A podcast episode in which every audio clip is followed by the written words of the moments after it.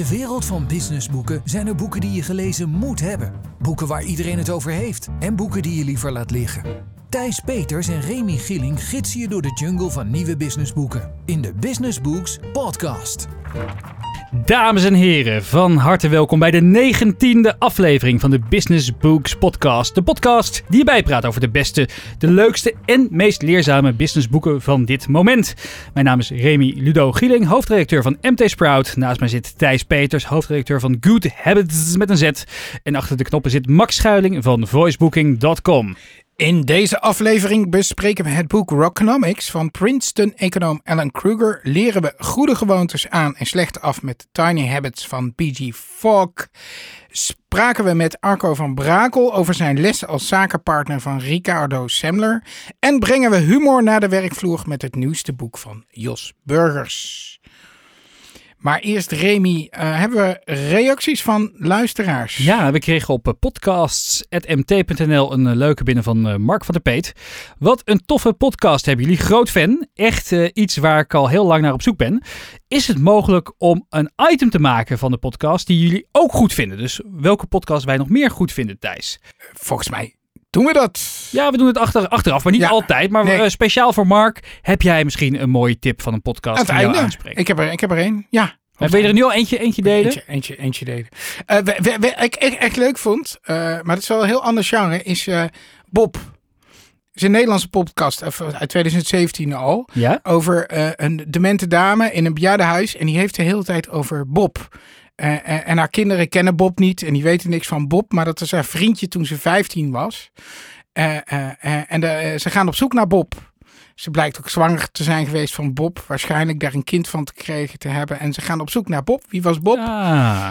Het is gewoon echt zo'n uitzoekverhaal. En dat vind ik ook een leuk genre. Ja, mooi hè? Dat ja brand in het landhuis. Ook een steen goed inderdaad. Ja. Uh, een beetje naar, naar Amerikaans format. Hoe heet het, die serie ook alweer? Uh, S-Town, Shit-Town, ja, die heb ja, ik al een keer aangeraden. ik, ik vind dat echt een hele mooie, uh, mooie genre. Ja, is maar dan moet je echt wel de tijd hebben, want ze vaak uren luisteren. Ja, en welke ik dus tegenwoordig heel vaak uh, aan heb staan uh, is uh, Pivot van Scott Galloway en Kara Swisher. Dat is een, een journalist, nou, is al volgens mij al 100 jaar journalist voor allerlei grote media in Amerika, Kara Swisher. En Scott Galloway hebben we ooit gesproken voor de podcast, heeft het boek De geschreven, professor aan NYU, heeft meerdere bedrijven verkocht, is 100 keer miljonair die man. En hij is gewoon heel erg geestig en hij geeft commentaar tegen zeg maar grote tech-trends die er gaande zijn. Uh, ja, elke keer weer een feest om naar te luisteren. Zeg dat wat? Want ik luister dan uh, naar een podcast over een demente dame. en, en, jij naar een podcast van een rentende, hoe je, hoe je miljonair kale, wordt. kale. Nou, jij wil gewoon Amerikaan. graag rijk worden, denk ik dan. Ja, ik heb gewoon zo'n fascinatie altijd... met, met, met, met, ja. met, met, rijke mannen uit Silicon Valley. Ik, ja. ik weet het. Uh, wie, weet, wie weet ooit nog dat het wat gaat worden met, ik, met ik, ik, had trouwens nog een reactie hè, van Patrick Kikken. Uh, ja. Uh, die heeft zelf de podcast Leven zonder stress. Ja, Vond... en hij is ooit, uh, nou, hij is ooit, ooit groot radiomaker. jarenlang. Ja, ja, ja ik, ik heb, dat wist ik niet. Ja, hij hm. was voor mij bij Radio Veronica. En ja, ik, ik heb wat, wat radiovrienden van hem nagevraagd. Ze zeiden allemaal, ja, Patrick Kikker, dat was wel een, een, een, een, een grootheid in der dagen. Nou ja, als, als, als hij ons een compliment geeft, dan nemen we dat graag in ontvangst. Ja, ja. Nou, we, we, spreken hem vast binnenkort een keertje voor onze podcast. En dan uh, komen we ook een keertje bij hem uh, een uur uh, ratelen over onze. ja, ik, ik ben nog niet begonnen. Ik heb, vijf, ja, ik heb vijf minuten van zijn podcast geluisterd vanochtend. Maar toen moest ik de deur uit en ik moest andere dingen doen. Uh, maar volgens mij zijn het hele lange, diepgaande gesprekken. Dus niet dat snelle, korte, de oppervlakkige geneuzel van ons. Van ons. Maar gewoon echt diepgaande gesprekken. Even snel nog, Thijs, heb je nog wat meegemaakt wat we graag willen delen met de luisteraar? Ik uh, ga wat mee, maar ik ga naar uh, Zuid bij Zuidwest uh, over drie weken. Ik moet trouwens even mijn ESTA verlengen, bedenken deze. Ja, pops in mijn mind, dat moet ik even snel doen. dus in Austin, dat technologie-congres of festival in, in Austin, Texas.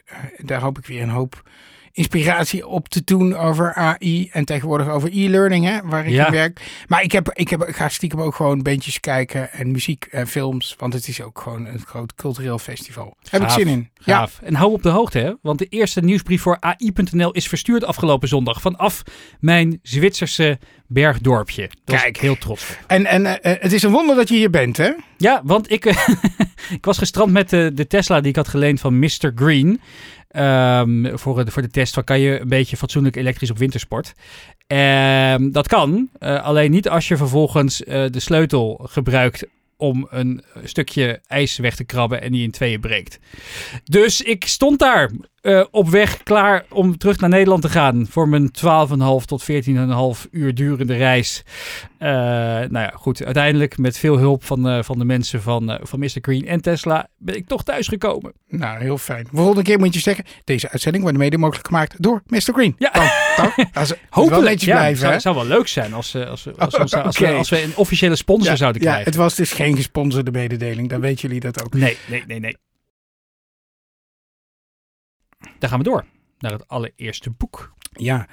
Het boek Tiny Habits van eh, B.J. Fogg. Tijdens wat zeggen de recensenten? Ja. This book will be a valuable resource to anyone interested in changing their behavior. That is, all of us. Gretchen Rubin, New York Times bestselling author of The Happiness Project. En eh, hier heb ik er nog eentje. BJ's uh, groundbreaking research is finally accessible to the public, eager to change their behaviors and, by extension, their lives. Brad Lawster, former director of product design at Weight Watchers. Nou ja, als die het zegt. Nou ja, ik- laten we. ik weet niet. Eh, Was het? het is volgens mij een maar, heel on- succesvol bedrijf Ja, tegenwoordig. ja, hè? precies. Maar de former director of product design, kom op, jongens. De- de- de- iemand moet daar beter iemand hebben gevonden voor, eh, voor, de, voor de aanbeveling in het Ik, komende. ik, ik moet toegeven, ik heb, hem, ik heb het boek thuis laten liggen. Dus daar staan Misschien staan ongetwijfeld op de eh, flap staan beter. betere. Maar dit was het enige wat ik bij Amazon, eh, op Kon- Amazon zo snel kon vinden. kon vinden. Mijn Wie- wie- excuses aan Mr. Fogg. Want deze man is niet zomaar iemand. Hij is de director of the Behavior Design Lab van Stanford University. Nou, dat Ja, en is ik niet heb- ik- zomaar een hogeschooltje nee, of zo. en ik heb al heel vaak van die man gehoord. En zijn theorie Tiny Habits. Precies. Dus eh Thijs, voor degene die het nog niet weten, wat zegt zijn theorie? Nou, eh, ik, ik, ik, ik, zal eens, ik dacht, oh, zelfhulpboek, doe ik niet. Ben ik klaar mee? Ben ik een beetje beu? Ja, we hebben al zoveel gehad. En ik kreeg deze toevallig van mijn partner. Die zei, hey, dat is voor jullie. Kijk maar in de podcast. En ik begon een beetje te bladeren. En ik dacht, hey, één, deze man kan schrijven. Dit is gewoon leesbaar geschreven. Dat vind ik altijd een winst. Mhm. En eh, zijn theorie sprak me ook wel aan. Hij is wetenschapper, dus hij heeft dit getest op duizenden mensen. Dat klinkt nou heel eng, maar hij heeft gewoon data verzameld van mensen. Eh, en wat zijn theorie zegt, hij zegt, nou ja, eh, gedrag ont, eh, heeft, heeft drie factoren waarmee je gedrag kunt beïnvloeden. Je hebt motivatie, je hebt hoe moeilijk of makkelijk het is om te doen en je hebt een soort trigger, een prompt noemt hij dat, Ja. waarom je gedrag gaat vertonen. Eh, en dat geldt voor, en dat vond ik het mooie, het is geen heel optimistisch boek in die zin van als je dit doet ga je leven veranderen. Dat schrijft hij wel. Maar dit geldt voor alle soorten van gedrag. Of het nou slecht gedrag is of goed gedrag. Ik wil stoppen met roken. bijvoorbeeld. wil stoppen of met ik roken. Wil, eh, ik wil vaker eh, sporten. Nou, of, ben je eh, heel erg gemotiveerd. Je moet je eigenlijk een soort, soort curve voorstellen. Een omgekeerde hockeystick. Je bent heel erg gemotiveerd. Die heb je op de, op de eier staan. Dat is ontzettend. De wil graag, maar het is ontzettend moeilijk. Dan lukt het niet. Aan de andere kant, als iets heel makkelijk is, maar je hebt helemaal geen motivatie, ga je het ook niet doen. Of, of, of eh, nou, stop hem. eh, kijk je naar roken, dan ben je heel erg gemotiveerd om te roken, want je vindt het lekker. En het is heel makkelijk om een sigaret op te steken. Dus, dus, dus dat is een gedrag wat heel makkelijk te vertonen is, maar moeilijk om af te leren.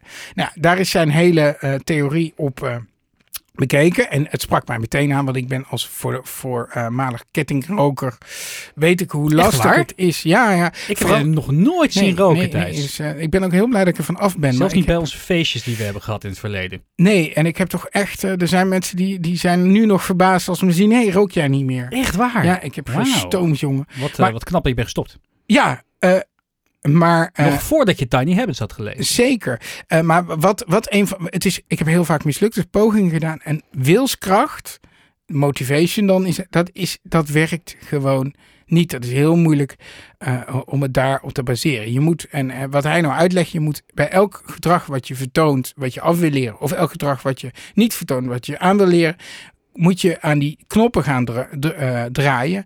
Maar begin niet bij motivatie, want dit is het allermoeilijkste. En we zijn juist altijd genegen om altijd bij motivatie te beginnen. Ik wil dit, ik vind dat ik dit moet kunnen. Uh, ik, ik, moet drie keer in de week sporten en ik voel me slecht en chagrijnig als ik het niet haal, want ik doe mijn best niet. En, en dan voel ik me schuldig naar mezelf en naar mijn omgeving. En hij zegt, nou, dat is precies de verkeerde manier om te doen. Je moet beginnen bij, je moet bijvoorbeeld beginnen met het makkelijker maken. Als je elke dag push-ups wil doen, doe het nou gewoon twee keer in plaats van meteen beginnen met twintig. Ik weet niet of je, ik heb dan van die projecten en dan. Ik heb, ik, ik heb zo ooit um, uh, lang geleden, ik woonde nog bij mijn ouders. En uh, bij ons om de hoek zat een sportschool. En ik had inderdaad wel de intentie om vaker te gaan sporten. Maar ik had dan bedacht van, nou ja, weet je, blijkbaar is die sportschool om de hoek nog steeds te ver weg. Wat nou als ik thuis een roeiapparaat koop? Dus ik heb van Marktplaats een van de duurste roeiapparaten gekocht. En ik dacht, ja, dan ga ik elke dag ga ik een kwartier op dat ding zitten. Want hij staat er toch. Nou, drie keer raden hoe vaak ik op dat ding heb gezeten. Vier keer? Ja, ongeveer. Ja. Ongeveer. Uh, nou, ze weet, nee, dat is niet wetenschappelijk bewezen dat het altijd vier keer is, maar het is wel herkenbaar. Nou ja, dat is het precies. En hij zegt, doe het dan koop geen roeiapparaat misschien. Je, kijk, is het, je, trouwens, je kunt ook zeggen, is het echt het gedrag wat je wil gaan vertonen? Hè? Ben je wel echt gemotiveerd? Moet je natuurlijk ook naar kijken. Maar, maar motivatie is dus geen goede, geen goede trigger. Wat, kun, wat, wat kun kan je, je gebruiken, maar als, als laatste. Ga eerst kijken naar uh, het haakje, de anker, de prompt. Wat zorgt er iets wat... Elk gedrag wat we vertonen he, heeft een soort trigger. Als we geen trigger hebben, vertonen we het gedrag niet. Uh, uh, um, Heb je een voorbeeld? Uh, ja, ik heb wel een voor, voorbeeld. jij gaat plassen als je blaas vol zit. Denk jij niet over na, hoop ik. Dat, is, dat is bijna onbewuste prompt. Maar ook bij opstaan heb je allerlei gewoontes door je dek, dekbed even recht te trekken of niet. Tandenpoetsen. Je, tandenpoetsen je, denk je ook niet meer naar nee. na. Nee, zo heb je heel veel van die uh, dingetjes die vanzelf Routines. Gaan. Routines, ja. En die kleine routinetjes, en wat hij nou zegt, als je een nieuwe gewoonte wil aanleren, is zorgen dat je uh, die nieuwe gewoonte, je maakt hem klein, want anders is het moeilijk, want dan heb je, moet je alles op motivatie doen, dus je maakt hem klein. En dan doe je dat, koppel je aan een routine die je toch al hebt. Dan wordt het veel makkelijker om het in je dagelijkse routine te slijten. En volgens hem is vaak na zes, zeven keer heb je die routine al. Zelf gaat hij altijd twee keer opdrukken als hij gepist heeft, geplast. ja, en, het, en, en, inmiddels doet hij het soms twintig keer. Maar het is ook niet erg als je het maar twee keer doet. Maar zo is hij ermee begonnen. En op een gegeven moment is dat een routine geworden. Hij dus je hebt een, groot doel en dan moet je in hele kleine stapjes ja. opdelen. Ja, en je moet het. Uh, en dan zegt hij ook die haakjes. Je hebt verschillende soorten haakjes. Dit is het ideale haakje. Dus je pakt een stukje routine uit je dag. En daar plak je een nieuwe routine aan vast. Dan kun je eigenlijk gewoontestabeling noemen ze dat. Ga je maar gewoontes aan elkaar stapelen. Uh, ja, je kunt ook op andere manieren herinneringen hè, om iets te gaan doen. Dat is, je zet een alarm op je telefoon. Uh, of je kunt denken, ik moet er nog even aan denken. Dat is natuurlijk een hele gevaarlijke. Ik had maandag had ik een, een dame moeten bellen. Het was echt een belangrijk telefoontje. Ik echt moeten doen. Gewoon vergeten. Nou ja, dat is natuurlijk. Dus uh, hij zegt ook. Ik probeer nou nieuwe dingetjes te koppelen aan Um, ik weet bijvoorbeeld, Ben Tichelaar is groot fan van zijn theorie. En die, die gebruikt altijd het voorbeeld, stel je wil inderdaad uh, ooit een keer een marathon gaan lopen. Nou, dat heb je als groot hoger doel. Uh, wat moet je dan doen om naar dat doel toe te werken? Uh, allereerst gewoon de, je, je, sportschoenen naast je bed zetten. En elke ochtend gewoon eventjes de sportschoenen aantrekken. Ja, dat is al genoeg. Ja, ja dat, is de, dat is de tiny habit. Dat is de eerste kleine stapje naar om een keertje buiten een rondje te gaan lopen. En nou, als je dat tien keer die schoen hebt aangetrokken, s ochtends denk je op een gegeven moment van, nou weet je, ik loop er ook wel mee naar de keuken. En als je dat tien keer hebt gedaan, denk je van, nou, ik kan ook wel een blokje om misschien even een keertje hard en, en, wat dan ook heel belangrijk is, is dat je je niet schuldig voelt als je niet dat blokje om doet. Ja. Maar dat je denkt, oh, dan ga ik het de volgende keer doen. En dat je jezelf beloont. Zelfs voor het feit dat je die, die hardloopschoenen aan hebt gedaan. Dat je denkt, goed, ik heb dit gedaan. En, en je zegt, je mag, je mag glimlachen. Je mag uh, je vuisten in de lucht gooien. Een schreeuw oh, Dus echt jezelf belonen. Je als echt belonen in, in die vorm. Ja. Niet een re reep chocola over een uur. Heb je dat ook gedaan thuis? Uh, uh, ja, ik doe dat iets bescheidener dan hij. Want hij zegt, het is natuurlijk een beetje gênant als je daar in je eentje staat. Yes, ik heb, ik heb mijn schoenen aangetrokken. Maar hij zegt, en uh, het klinkt debiel, maar het is wel belangrijk. En dat snapte ik ook, want het geeft namelijk dat dopamine-kickje. Wat je ook ja. krijgt van al die appjes op je telefoon. Ja, precies. Dat vond ik trouwens ook wel grappig, want eigenlijk is het boek de, het is ook heel geschikt van... Hey, oh, uh, dat gedrag beïnvloeden. Dat is wat al die apps de hele dag doen. Dus ik dacht, nou deze man die zal wel echt gaan ranten tegen al die apps en dingen. Maar dat doet hij niet. En, en ik dacht, hoe kan dat nou? Want dat is toch eigenlijk de grote, grote time freighter, de grote vloek van onze tijd. Maar een van zijn eh, eh, favoriete eh, studenten ooit was de oprichter van... van Instagram, een van de oprichters. Dus ja, ik denk dat hij die niet. Die, was niet ver al te kritisch over, viel mij op. Maar goed, ik, ik denk dat eh, hij inderdaad heel goed op heeft gelegd in de lessen van Fogg. Want dat, dat is helemaal gebaseerd natuurlijk op gedrag sturen. En, Continu Ja. aandacht vragen. ja, precies. Ehm, voor wie is dit boek, Thijs? Eh, nou ja, voor iedereen die eh, goede en slecht, slechte gewoontes wil afleren en goede gewoontes wil aanleren. Dus dat is in principe, denk ik, Iedereen. voor iedereen. Ik denk echt dat dit, als je dit leert te beheersen, en het klinkt als een soort, eh, dat is bijna religieus nou, maar eh, als je zijn techniek leert te beheersen, dat kan je echt, denk ik, veel opleveren. Dus ik ga het ook echt proberen. Je krijgt ook een beetje waterige oogjes, zie ik. Ja, ja, ik ben echt heel... eh, ik ben- wanneer moet je het lezen? Eh, eh, ik heb het s'avonds gelezen. Het is goed geschreven. Prima. Ik zou het niet in bed leggen. Dat heb ik e- lezen. Heb ik één avond gedaan. Toen lag ik helemaal wakker. Ik dacht, oh, dan kan ik dit, dit. Dit is een gewoonte die ik aan moet leren. En die moet ik afleren. En dan ga je dit malen. in kleine stapjes doen. Ja, en dan ga je malen. Moet je niet doen. Dus ik zou hem lekker voor de kachel. Gooi hem dicht. En pak daarna een, gewoon een saai managementboek. Ja. Twee bladzijden. In, ik meestal heerlijk. Cadeautje kopen. Eh, ik zou dit kopen. Want dit is een hele belerende titel. Hè? Jij hebt geen goede gewoontes. Hier, alsjeblieft. Dan Het interview deze maand eh, met Arco van Brakel, ondernemer eh, met het Semco Style Instituut, zakenpartner van Ricardo Semler, de zelfsturingsgoeroe uit Brazilië. En Arco is ook de coach van onder meer Ali B. Eh Remy, jij sprak met Arco eh, naar aanleiding van zijn nieuwe boek Ondernemen met Impact. We zijn uit de studio van voicebooking.com terechtgekomen op eh, Sprout en MT Headquarters hier aan de Paul van Vlissingenstraat in Amsterdam. Ik zit hier met, eh, eh, eh, met, met, met, met rasondernemer en eh, vriend Arco van Brakel. En hij heeft onlangs het boek geschreven Ondernemen met Impact, leiderschapslessen van een ondernemer met een missie. Arco, welkom in de podcast. Dankjewel, Remy. Je hebt het boek geschreven eh, en eh, je bent onlangs gestopt als eh, CEO van het Semco Style Institute, wat je samen hebt opgezet met Ricardo Semler, topondernemer. En voordat we over je boek verder gaan praten, wil ik eerst eventjes dat bijzondere verhaal met je doornemen. Want eh, eh, niet veel mensen kunnen zeggen dat ze compagnon zijn van Ricardo Semler. Je was eh, directeur van het Baak, opleidingsinstituut in Driebergen. Ja, in Noordwijk. Niet, Ja. in Noordwijk. Ja, 2012 tot 2016 heb ik dat gedaan. Hoe ben je met hem in contact gekomen? Want dit soort mensen zijn moeilijk te bereiken. Nou, als je de rekening betaalt, kan je me gewoon boeken als spreker. Oké, als je Dus maar dat heb ik ook dik, gedaan. dik genoeg een portemonnee ja, hebt, het was dan... een hoop geld. ja. Ja, we hebben een fantastisch event gedaan. Ricardo Semler en Friends heette dat. Ja. Eh, en met als titel Iedereen de baas. Ehm ah, dat was een doorslaand succes. Nou, echt werkelijk alle meetbare maatstaven. En eh, eigenlijk vrienden geworden die dag. Eh, en Ricardo Dat gaat stuurde, snel. ja, nee, je hebt soms een klik met iemand. En dat had ik met hem echt. En nog steeds. Ehm, dus hij zei, joh Arco, zullen we samen dit gedachtegoed de wereld inbrengen?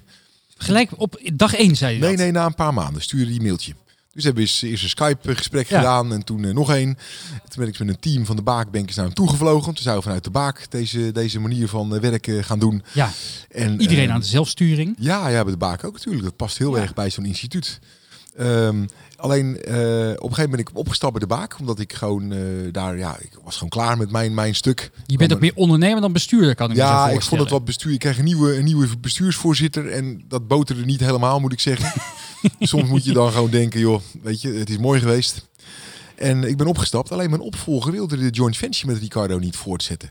Wat ik een onbegrijpelijk iets vond. Want ik Ja, vind die man een- is, is, is een van de bestseller-auteurs ter wereld. Eh precies, wordt omarmd. boeken. Ik denk voor mij ook de, de, de best gelezen artikelen op MT gaan over Ricardo Semler. Dus het is Ja. een grootheid, zeker in, Nou, in de top van het management van Nederland. En we hadden gewoon onderzoek gedaan dat in Nederland 51%, dat was in 2014, 51% van de bedrijven enige vorm van zelfsturing ambieert. Maar Ja. ze wisten niet hoe het moet. En dat percentage is alleen maar gegroeid. En ja, dan met de, de goeroe ter wereld op dat gebied samen te werken, vond ik wel een goede marketingkans.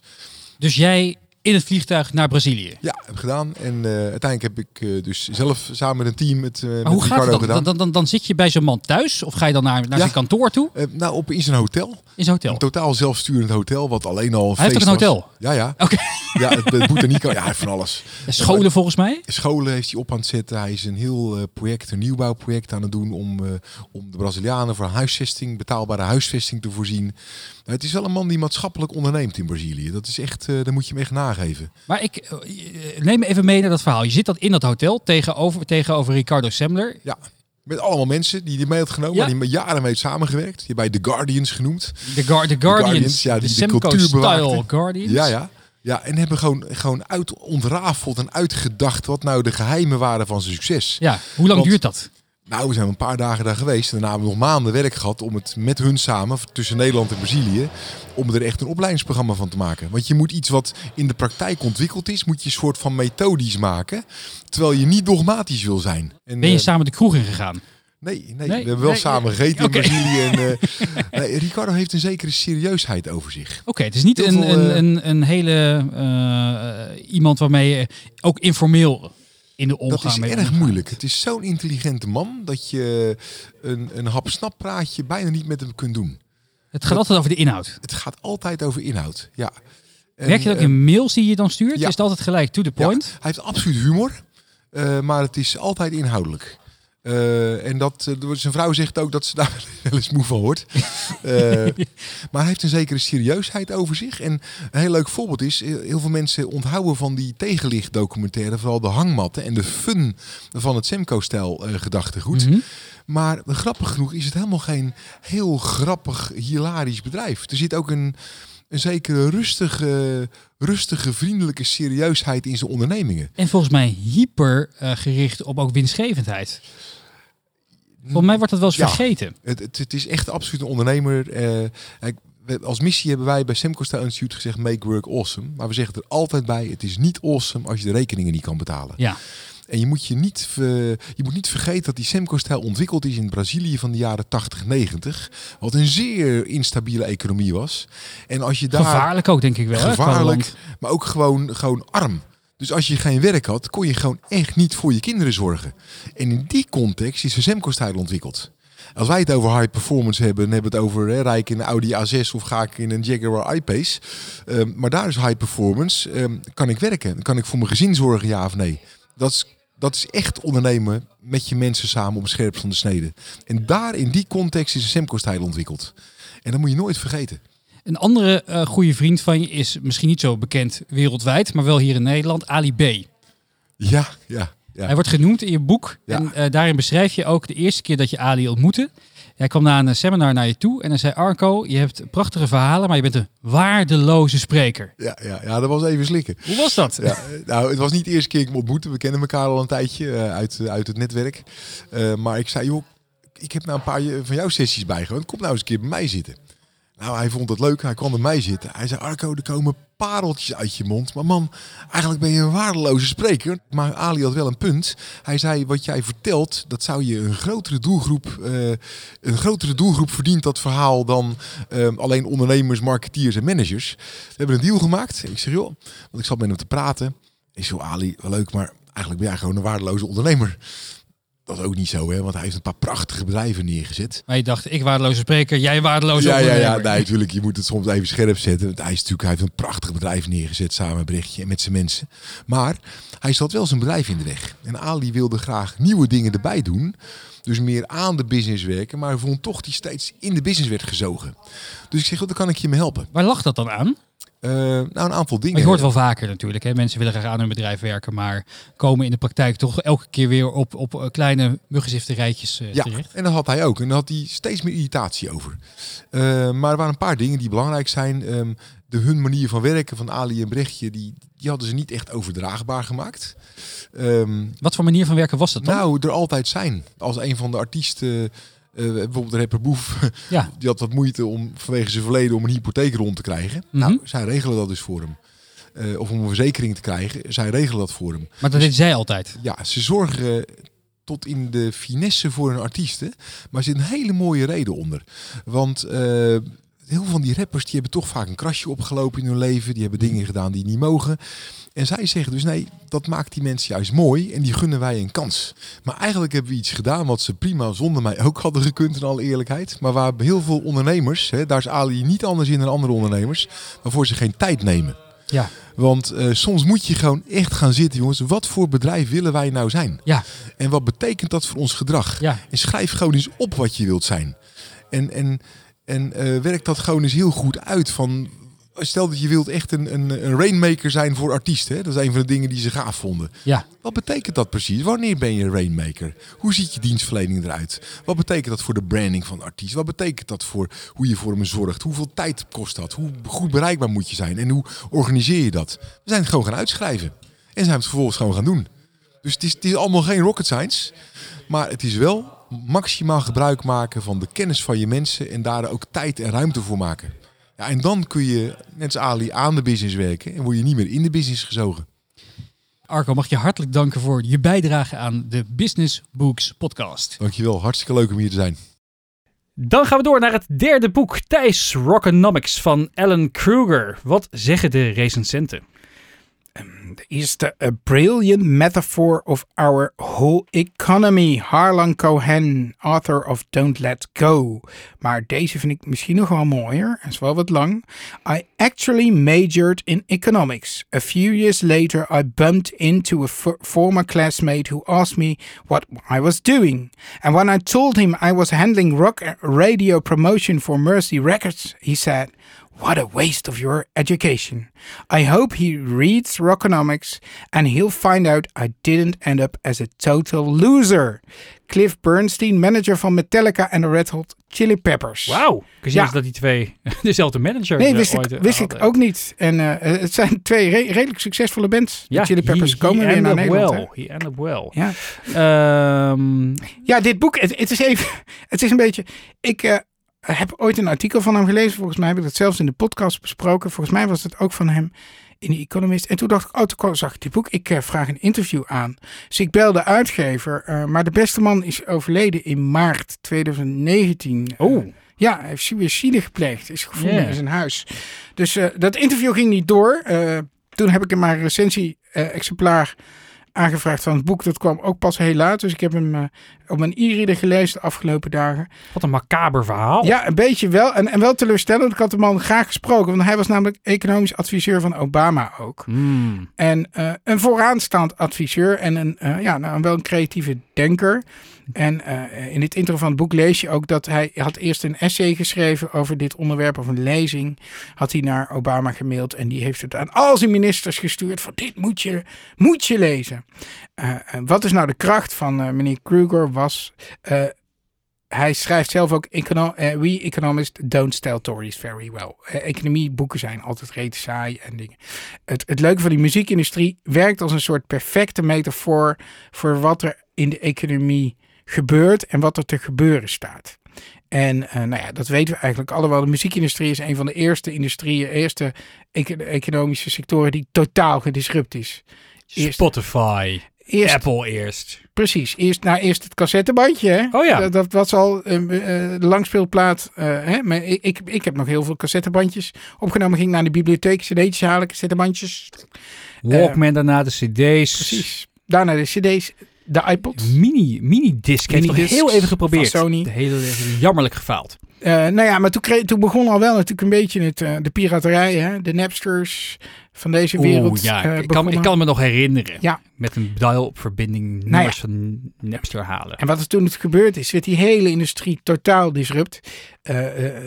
Heel veel artiesten moesten hun hele verdienmodel omgooien. Moesten van geld verdienen aan de verkoop van platen. Moesten ze al hun geld gaan verdienen met, of me, een meerdere deel van hun geld aan, aan optredens. Ja, crap, moesten ze gaan werken. Ja, ja nou, daar heb ik straks ook nog wel eh, dat is, eh, nog wat interessant over te vertellen. Maar wat ook wel grappig, al die platenmaatschappijen, die, die gingen natuurlijk ook, die hadden echt de grootste problemen. Want Ja. zij waren moneymakers eh, kwijt. Eh, en, en wat je eh, nu ziet gebeuren trouwens is wel dat voor het eerst in jaren neemt eh, het inkomen van muzikanten aan de kant van plaatverkoop, oftewel streaming eigenlijk nu, neemt toe. Voor het eerst verdienen ze meer aan rechten, weer wat meer aan rechten, maar nog steeds het leeuwen van het geld moeten ze verdienen aan, aan toeren. Dus ze moeten inderdaad veel harder werken, dat klopt eigenlijk wel. Ja, Ehm, eh, eh, en wat hij nou eigenlijk zegt, ja, je moet zien, die, die muziekindustrie is heel leuk om in de gaten te houden. Het is eigenlijk een beetje de kanarie in de kolenmijn. Je ziet daar allemaal dingen gebeuren, eh, ontwikkelingen door digitale ontwikkelingen die die, die, die die hele sector op zijn kop zetten, die over een tijdje gaan gebeuren in het bankwezen, in de verzekeringswezen. In de, dus hij zei, als je die sector in de gaten houdt, dan zie je eigenlijk al wat er gaat gebeuren de komende jaren. ja want eh, ik las vanmiddag een hele grappige tweet van Sander Schibbelpenning over eh, de, de, de, de boze accountmanager uit Amersfoort-Vathorst. Wat kan een boze accountmanager uit Amersfoort-Vathorst met dit boek? Nou ja, het eh, verklaren waarom hij boos is. Het is wel een beetje macro-economie een boek natuurlijk. Maar kijk bijvoorbeeld, wat, ik, wat ik heel aardig vind. We, kijken, we hebben nu heel erg over eh, bijvoorbeeld Thomas Piketty. Hè, met de rijken en eh, de rijkste die rijker worden en middengroepen die verdwijnen. Ja. Hij zegt, dat zie je in het kleine muziekindustrie. Je zou denken, door Spotify kan iedereen muziek maken en dan wordt het één groot Iedereen democratisch kan, het, feest. ge- iedereen kan het delen, iedereen kan het luisteren. Wat, wat je krijgt bij scalable models, en dat zie je natuurlijk ook in webwinkels waar Amazon heerst. Je ziet een paar grote artiesten, de Taylor Swifts en de eh, van deze wereld, zeg maar. Die, Ja. die, die worden heel machtig, die hebben e- enorm, eh, enorm veel geld. Iedereen luistert die dingen. Want vroeger ging je naar een platenwinkel, dan wilde je de plaat als plaat uitverkocht, kocht je een andere plaat. en Die leek je ook nog wel leuk. Ja, Maar nu is altijd alles beschikbaar. En eh, gaan mensen dus heel snel voor wat zij denken dat het beste is. precies. Dus die serendipiteit is volledig verdwenen. Ja, dus de, dus de variatie wordt eigenlijk kleiner. En dat zie je in heel veel gebieden in de economie gebeuren hierdoor. Hè? Ook in boeken. Je ziet ook boeken dat de... de Alleen, ja, ACO bijvoorbeeld, alleen maar de topboeken Ja, nou. liggen daar. ja, dus dat zie je overal. Eh, en je ziet ook de rijke artiesten worden rijker. De middengroep verdwijnt. Ik, ik baal er wel van. Vroeger vond ik het altijd heel leuk als ik naar, ergens naartoe ging vliegen, dat je dan op Schiphol even een nieuw businessboek kocht. Ja. Maar ja, we hebben inmiddels echt alles al drie keer uitgelezen. Je vindt helemaal niks nieuws meer. Nee, nee, nee, maar je krijgt eenheidsworst. En dat is in, met, met muziek is het eh, precies hetzelfde. Eh, wat, wat ik ook trouwens wel heel aardig vond, dat wist ik helemaal niet. Ik denk muziek is een groot big business. Maar dat is helemaal niet zo. Nee? Business, eh, 50 miljard, 0,06 procent van het wereldwijde BBP wordt rechtstreeks met muziek eh, verdiend aan- door plaatsmaatschappijen en artiesten. Het is armoedtroef. Je kan er helemaal geen droog brood meer in verdienen. Nee, de gemiddelde muzikant in eh, eh, Amerika verdient eh, 20.000 dollar per jaar. We zullen toch niet gaan krijgen dat muzikanten straks eh meelijwekkend naar journalisten gaan kijken van, oh, ze hebben wel werk. Ja, nou bijna. Oh. En, en, en, eh, eh, kijk, en Waar gaat de wereld naartoe? Ja, het wordt even. Nou, maar dit is eigenlijk altijd al een beetje zo geweest. Eh, eh, muziek is nooit big business geweest. Ehm, eh, maar, eh, maar goed, ik wist dat niet. Dus dat vond ik ook wel opvallend. Eh, er is natuurlijk wel heel veel. Als je zo'n festival hebt, komen allemaal friede boeren die wel een hoop geld aan verdienen. Hè? Ja, precies. er is natuurlijk je kan, veel, je, je kan beter dus een foodtruck hebben dan op het podium staan. Nou ja, het is wel raar dat wij vier uur per dag of twee tot vier uur per dag naar muziek luisteren en dat er zo weinig geld mee wordt verdiend. Dat is eigenlijk wel raar. En zelfs de topverdieners, hè, als je nou over Justin Bieber's hebt, die verdienen geen honderden miljoenen. Die verdienen minder dan een Messi of, of, of zo. Dat is echt, valt heel erg tegen. Eh, nou ja, voor de rest is het gewoon. eh, hij heeft het over de toekomst van de muziekindustrie, vond ik ook wel leuk. Eh, wat gaat er gebeuren in de muziekindustrie nu? Wat wordt de volgende disruptie? En hij gaf aan, nou, ik, hij dacht dat Spotify misschien wel muziek gaat maken binnenkort. Net als Ah. Netflix eigen. Eigen producties gaat maken. Dat dat de Ze hebben, stap al, is. ze hebben al zo'n zo'n podcastbedrijf Ja. laatst gekocht. Hè? Dat biedt ook nog eens hoop voor ons. Ja, dat biedt zeker hoop voor ons. Ik denk dat ze ons binnenkort gaan inlijven. Maar het zou dus ook kunnen dat ze, zij artiesten gewoon gaan contracteren. En zij gaan bepalen wie hoog in de hitlijsten komen. En eigenlijk de rol van de traditionele platenmaatschappij daarmee eh, gaan, eh, eh, ja, gaan vervullen. Er komt ook een boek over Spotify aan. Ik hoop dat ik hem binnen heb voor de volgende. Oh, dat zou ik eh, heel leuk vinden. Ja. Ehm, Thijs, voor wie is dit boek? Nou, ik wil nog even, even Oh. twee dingen. Vind ik echt wel, wel grappig. Er zitten ook leuke feitjes, feitjes in en zo die je normaal niet eh, te weten komt. Je hebt van die co-producties, hè, waarbij een bekende zanger met een iets bekendere nummer maakt. Despacito van Louis Fonsi en Justin Bieber en zo. Hij zegt, je, je ziet vaak dat de bekende artiest altijd in de eerste 30 seconden de zang doet. Waarom zou dat zijn? dan komt hij als eerste met zijn naam bovenaan? Nee, eh, Spotify betaalt pas als er 30 seconden geluisterd is. dus dan, ja, mooi. Eh, wat, ik, wat ik ook een mooie mythe vond over de jaren 60, waarin we allemaal lief en aardig voor elkaar waren en anticapitalistisch. Ja? Een citaat van eh, Paul McCartney. Somebody said to me, but the Beatles were anti, anti-materialistic. That's a youth myth. John and I literally used to sit down and say, now let's ride a new swimming pool. Gewoon vuile kapitalisten, jongen, die Beatles. Fantastisch. Nou, wel mooie dingen. Maar eh, Thijs, voor wie is dit boek? voor wie is dit boek? En voor iedereen die ge- geïnteresseerd is in de muziekindustrie en voor economen. Mensen die het leuk vonden om zich in de economie te verdiepen. Ehm, wanneer moet je het lezen? Eh, op vakantie, aan het zwembad, wat je hebt verdiend met je liedjes, of niet? of niet. Eh, en cadeautje verkopen. Eh, dit is wel een leuk cadeautje, denk ik. Ja? Voor een econoom. Ja, Oh ja, dat is een goeie. Voor een econoom is het een voor een fantastisch hobby-econoom. cadeau. Nou, dus toch, dan heeft hij, heeft hij een mooi waardig eh, afscheid gekregen met Het, dit het, boek. ik voelde het toch raar. Ik vond het iets triest, had het. Ja. Dan gaan we naar het eh, laatste boek. Eh, Thuis ben ik niet zo leuk van Jos Burgers. Remy, wat zeggen de recensenten? Nou, helemaal niks. Tenminste, alweer geen professionele. Maar eh, geen professionele eh, recensenten. Maar wel, ene van, eh, maar wel eentje van ene G. Groenewoud op managementboek.nl. Leerzaam, inspirerend en interessant om te lezen hoe bedrijven als hashtag Albert Heijn, hashtag Gamma en hashtag AFAS, oh en hashtag IKEA omgaan met humor. Eh, slaat die hashtag op? Ik heb geen idee. Oké, oké. Nee, Dus ja, misschien eh, hoopt deze man dat, zo, dat bedrijven ooit eh, een hashtag voor hun naam gaan zetten. Ik weet het niet. Ik weet het niet. Ehm, maar ja, drie keer raden waar dit boek over gaat, eh, Thijs. Marketing met grapje, ma- grapjes marketing, of noem je dat? Ja, ja. Ja. En ja, ik heb het boek, boek eh, van voor naar achter gelezen. Want Ja. ja, Jos Burgers koketteert er altijd zelf ook een beetje mee. Hij schrijft korte boeken. Dus ik was er ook inderdaad echt binnen een uur doorheen. Jij bent niet zo fan van dit soort, eh, dit genre boek. Nee, nee. Ik ben een droeftoeter, hè. Volgens mij hebben we dat al eens een keer besproken. Ja, maar Eh, meer, ja. meer, meer van die, eh, van, jij houdt wat meer van onderbouwde boeken, hè? Ik vind het, ja, ja, ik heb deze niet gelezen, dus ik ga niet oordelen over Oh, nee. een boek wat ik niet gelezen heb, maar zijn vorige boek wel. Het is niet mijn genre. Ik vind het al- soms wat makkelijk. Ik hou meer van boeken waar dan wat wetenschappelijk onderzoek achter zit. wat, wat vind je dan van humor op de werkvloer? Of humor om, om klanten mee te, te, te binden? Nu je voor, nu je vind voor een groot leuk. kapitalistisch En- bedrijf en, en, werkt. ik hoop echt een paar hele leuke eh, voorbeelden van jou eh, te horen. Ik heb helemaal niks tegen humor. Ik ben- sta zelf bekend op mijn enorm flauwe grappen. Vraag maar aan mijn kinderen. Eh, dus ja, nee, ik vind het op zich heel erg leuk. Maar ik vind, ik vind humor en, en, en bedrijfsleven en, en, en marketing. Het is, het is een soort. Het is een, als het lukt, is het heel tof. Maar het kan ook wel echt tenenkrommend zijn. Ja. En dan mag jij even met een voorbeeld komen waar het goed is en tenenkrommend. Staan die in het boek? Ja, nou zeker. Op een gegeven moment eh, beschrijft Jos een, eh, een, eh, een, een juwelier eh, die dan het zelf heel grappig vindt dat als zijn klanten dan vragen van, hè, kan er ook nog wat vanaf als ze een horloge hebben gekocht? Dat hij dan zegt, ja, het prijskaartje. Oh, Dat Jos ook al aan die beste man adviseert van, ja, dat moet je gewoon niet doen. Hij eh, schrijft ook, je moet eh, altijd eh, lachen met je klanten en vooral niet om je klanten. Uh, maar er staan ook wel een paar, een paar hele leuke dingen in. Ik weet nog wel bijvoorbeeld, uh, hij beschrijft bijvoorbeeld over dat uh, een paar jaar terug, Gerrit Zalm, was hij net uh, bestuursvoorzitter van, van ABN AMRO. Dat hij als bij het, bij het nieuwjaarscongres als zijn zus Priscilla ja, verkleed ja, en al op het podium kwam.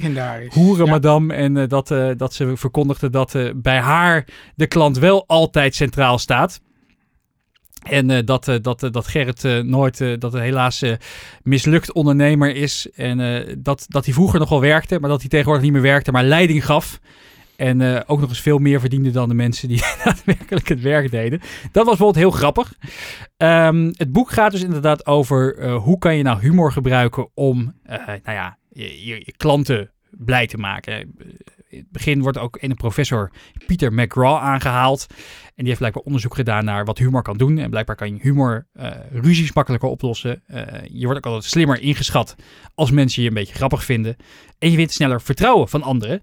Uh, en zo is er ook een onderzoekje ooit een keer gedaan naar verkopers. En die dus bleek, waar het bleek dat grappige verkopers daadwerkelijk meer geloof dat Oké, auto's ook- waren ook- auto's verkochten. eh, dan, eh, dan, eh, dan andere. Maar eh, hoe doe je dat dan? Nou, dat moet eigenlijk uit het boek naar voren komen. Maar dat is natuurlijk moeilijk. Ja, het zijn Het, het is geen moppenboek. Nee, het is geen moppenboek. Het is, ook, het is ook gewoon een serieus boek eigenlijk Ja. over, over humor met wat, wat, wat, wat, wat, wat, wat, wat voorbeelden her en der.